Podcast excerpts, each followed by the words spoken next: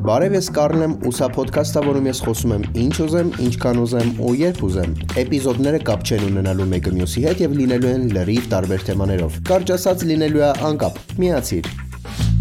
Ամեն դեպքում ոնց մտածեցի հասկացա, որ Անդրանիկ էպիզոդը պետք է ավելի շատ լինի կրթադասիրակչական։ Հենց այդ պատճառով էլ այսօր կխոսենք կուրտիզանուհիներից։ Իսկ ավելի կոնկրետ մեկ կուրտիզանուհու մասին։ Ովքեր են կուրտիզանուհիները։ Կուրտիզանուհիները թեթև վարքի դեր կանայք են, ովքեր վարում են բարձր աշխարհիկ կյանք եւ գտնվում են հարուստ ու ազդեցիկ սիրեկանների հոգացության ներքո։ Եթե ձեզ թվում էր, որ մեր օրերում կուրտիզանուհիներ չկան, ապա սխալվում եք։ Պարզապես հիմա նրանց ուրիշ անունով են դիմում։ Եվ այսպես կուրտիզանուհիներին կարելի է բաժանել երկու խմբի։ Այսպես կոչված ազնիվ կուրտիզանուհիներ եւ ստորին դասի կուրտիզանուհիներ։ Երկրորդ խմբի կուրտիզանուհիները մի փոքր են ավելի բարձր գնահատվում սովորական փողոցային մարմնավաճառներից, երբ առաջին կատեգորիայի կուրտիզանուհիները հաճախ թակավորական ֆավորիտուհիներին հավասար շրջապատված են լինում ռոմանտիկ լուսապսակով։ Ազնիվ կուրտիզանուհիների հիմնական բնութագիրն այն է, որ նրանք գտնվում էին մեկ կամ մի քանի հարուստ հովանավորների հոգացության ներքո, որպես օրենք բարձր հասարակությունից։ Ազնիվ կուրտիզանուհին ուներ որոշակի անկախություն եւ ուներ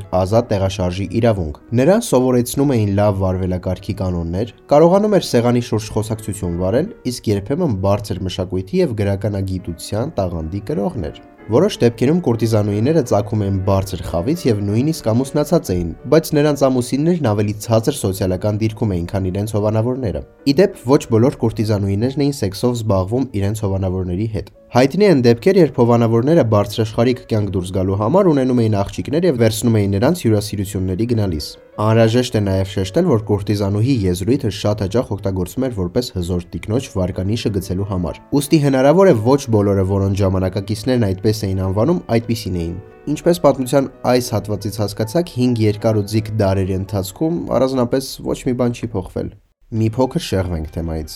Ես քեզ ունեմ հարց. Ինչ տեսք ունեն լրտեսները։ Եթե դու նրանց պատկերացնում ես սև ակնոցով, սև կոստյումով կամ գլխին ամբողջությամբ ծածկող դիմակով ու առաստաղից կախված բարարներով, ապա ես ու Մարգարետը փոքրինչը վրթոված ենք։ Ով է Մարգարետը։ Անհամբեր սպասում է այդ հարցից։ Հիմա պատմեմ։ Իսկ եթե դու հիմա քո մտքում ասացիր, բայց ես ոչինչ չի հարցնում, ապա այ քեզ բանը մի փչացրու ոդքասթը թող շարունակեմ։ Մարգրետ Գերտրուդազելլե կամ պարզապես Մատահարի։ Հոլանդական ցակմամբ էկզոտիկ բարերի կատարող եւ կուրտիզանուհի, ով առավել հայտնի է առաջին համաշխարհային պատերազմի ժամանակ լրտեսական գործունեությամբ։ Այո, այո, հենց նա է 20-րդ դարի ամենահայտնի կուրտիզանուհին։ Իդեպ հին դարերում որոշ առավել հայտնի կուրտիզանուհիներ ստանում էին պետական աշխատավարձների համար, որ հայտնում էին ազնական խոսակցությունների մանրամասներ, որոնք կարող են հետաքրքրության առարկա լինել շանտաժի կամ այլ նպատակների համար։ Վերադառնանքը մատահարիին։ Մարգարետը ծնվել է Ադամ Զելեի եւ Անտե վան դեր Միոլենի ընտանիքում եւ եղել է 4 երեխաներից միակ աղջիկը։ Ադամը գլխարկների խանութի սեփականատեր էր։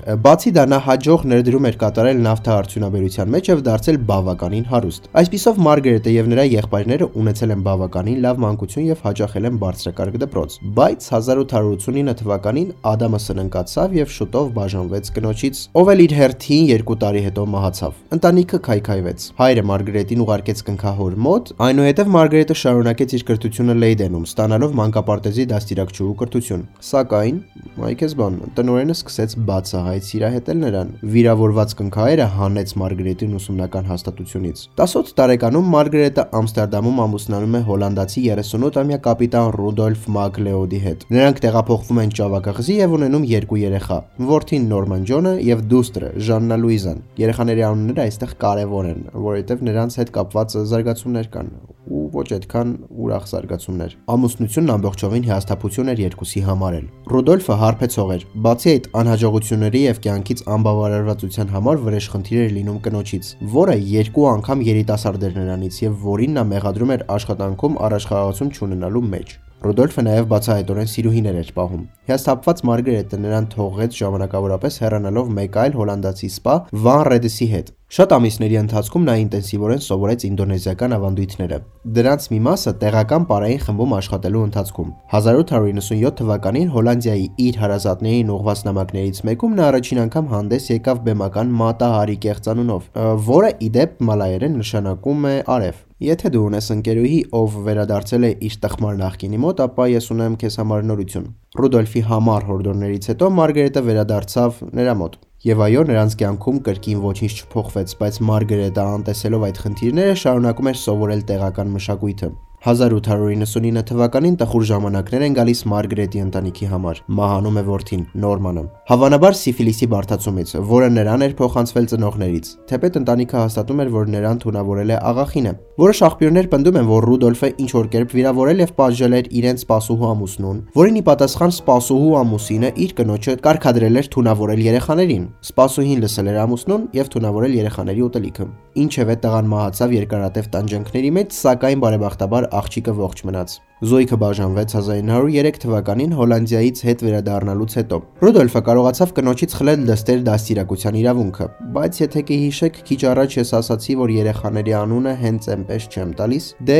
21 տարեկանում մահանում է նաև Ժաննա Լուիզան, հավանաբար կրկին սիֆիլիսի բարդացումից։ Հետո Մագան տեղափոխվում է Փարիզ։ Սկզբում փորձում է աշխատել բնորդուհի, բայց ոչ հաջողություն, ոչ էլ գումար չաշխատելուց հետո հիշում է, որ շատ է սիրում ապարել 1905 թվականին Մատան հայտնի է դառնում որպես արևելյան պարուհի։ Նրա պարերի յուրահատկությունը աստիճանաբար մերկացումն էր, այն աստիճանի, որ վերջում մարմնի վրա մնում էին միայն կուրծքը փոքրինչ փակող զարդերը։ 20-րդ դարի սկզբին Մատայի նրբագեղ շարժումները եւ կախարդական հայացքը անհավանական անցուդարձ են առաջացնում հանրության շրջանում։ Ստեղծագործական կերպարն էլ ավելի հարստացնելու համար Մատան սկսում է լուրեր տարածել, որ ինքը մեծացել է արևելքում եւ նրա պարերը սուրբ են։ Առաջին եւ հաջորդ ելույթները անց էին կացվում Արևելյան իրերի թանգարանում, որն այդ ժամանակ տնօրինում էր Էմիլ Հեմետը։ Նա նույնպես բոլորին սիրում էր պատմել Մատայի կեղծ ցակման մասին եւ այն մասին, որ նա իր մոտ եկել է ուղիղ Հնդկաստանից։ Ի դեպ, սեփական շոուների դեկորները պատրաստում էր անձամբ Մատան, չնայած այն բանին, որ այդ ոլորտում ընդհանրապես չուներ պրոֆեսիոնալ փորձ։ Հարին անում էր այնպես, ինչպես իրեն թելադրում էր հոգին։ Միգուցե հենց այդ պատճառով էլ նրա ելույթներում գերակշռում էր ռոմանտիկ մթնոլորտը։ Ելույթի վայրը զարդարված էր հուլունքներով, ծաղիկներով, իսկ խունկի բույրը տարածվում էր ամբողջ դահլիճով մեկ։ Առաջիկայում նրան հարուստների շրջանում ճանաչում է բերում բարոն Անրի դե Ռոչիլդի էքսկլյուզիվ սրահը։ Այդտեղից էլ թերթերում հայտնվում են հոդվածներ իր մասին։ Մատան կարողանում է նորմալ գումար աշխատել, իսկ Հոլանդիայի եւ Ֆրանսիայի տղամարդիկ ոչ միայն սիրահարվում էին իրեն, այլ նաեւ դեմ չէին մի կլորիկ գումար նվիրել Մատային։ Ահա եւ գալիս է մեր պատմության ամենակարևոր մասը։ Բազմաթիվ հարաբերությունների եւ հայտնիության կողքով աննկատ չանցան հետախույզները, որոնք էլ որոշեցին Մատայի կախարդանքը օգտագործել իրենց նպատակների համար։ 1915 թվականին գերմանացի դիվանագետներից մեկը առաջարկում է կուրտիզանուհուն աշխատել իր երկրի վրա։ Մատան համաձայնում է եւ գործարքի դիմաց մի կլորիկ գումար վերցնում, բայց արդյունքում ոչինչ էլ չի անում, ինչն էլ առաջիկայում դառնում է դատավարության պատճառ։ Առաջին համաշխարհայինի տարիներին գտնվելով Գերմանիայում աղջիկը որոշում է փոխել բնակության վայրը։ Իշխանությունները մատայից խլում են ամբողջ գումարը, զարդերը եւ անգամ հագուստի մի մասը։ Նա վերադառնում է Նեդերլանդներ, բայց հանգիստ ու խաղաղ կյանքը այլևս կուրտիզանուհու համար չէր։ Մատան որոշում է այցելել Անգլիայում եւ Ֆրանսիայում բնակվող իր ընկերներին, ինչով էլ եւ գրավում է ֆրանսիական հակահետախուզության ղեկավար Ժորժ Լադուի ուշադրությունը։ Մատան իհարկե համաձայնում է։ Դե նախ որովհետև կուրտիզանուհի է, եւ հետո նա ցանկանում էր ճոխ հարսանիք կազմակերպել իր եւ ռուս զինվորական Վադիմ Մասլովի համար։ Փարիզում, երբ նրանք հանդիպեցին, զինվորականը 23 տարեկան էր, իսկ Մատան 40-ն անց։ Բայց ինչպես բոլորս գիտենք, սերը տարիք չի ճանաչում։ Մատան խենթի պես սիրահարված էր Վադիմին, իսկ Վադիմն իր հերթին երջանիկ էր, որ Մատայի պես կինը իրպես երիտասարդին ուշադրություն է դարձնում։ Սահմանում լինելու տարիներին նրանք անխնա նամակագրության մեջ էին, որն էլ ուշադիր կարդացվում էր հատուկ ծառայությունների կողմից։ Ստուգման համար ֆրանսիացիները կնոջը Մադրիդում փոքրիկ հանձնարարություն են տալիս, որի արդյունքում էլ կարողանում են ողրզել, որ նա կապ ունի Գերմանիայի հետախուզության հետ, չնայած այն հանգամանքին, որ նա այդպես էլ չկարողացավ ոչ մի թանկարժեք տեղեկություն հայթայթել եւ ոչ մի երկրի համար, սակայն կրկնակի լրտեսությունը Մատայի համար դարձավ ճակատագրական։ 1917 թվականին Մասլովը անսպասելի անհայտացավ։ Չթողնելով սիրելիի համար ոչ մի նամակ։ Հուսահատությունից Մատան սկսում է հիշել երիտասարդ տարիները ու անձեռոցիկի պես սիրեկաններ է փոխում։ Հենց այդ ժամանակ էլ փետրվարին նրան ձերբակալում է ֆրանսիական հետախուզությունը։ Փաստաբանը ամենձև փորձում է փրկել Մատային, բայց ապարդյուն։ Հոկտեմբերի 15-ին Վենսանի զին հրապարակում Մատահարին գնդակահարվում է։ Ականատեսների խոսքերով նա երկու ցանկություն էր հայտնել։ Առաջինը, որ նրա աչքերը չկապեն, եւ երկրորդ, որ նրան տան գինու բաժակ բայց հարգելի պատճառներով տեղում գինու բաժակ չէր եղել եւ նրան տվել էին թեյի բաժակով թանկարժեք բորդո։ Դանդաղ խմելուց հետո կինը ասել է. Ես պատրաստ եմ տղաներ։ Դայիշների համար անսպասելի էր նման հանգիստ եւ անվախ վարքը։ Կրակոցները խոցեցին Մատայի փխրուն մարմինը։ Հրամանատարը համոզվելու համար մոտեցավ եւ եւս մեկ փամփուշտ արձակեց նրա ծոծրակին։ Այսքանը սիրելի ընկերներ։ Ահա այսպեսին էր ոդքասթի առաջին էպիզոդը։ Հույս ունեմ դասեր կքաղեք այս ամենից ու կրկնակի լրտեսությամբ չեք զբաղվի։ Հաջողություն։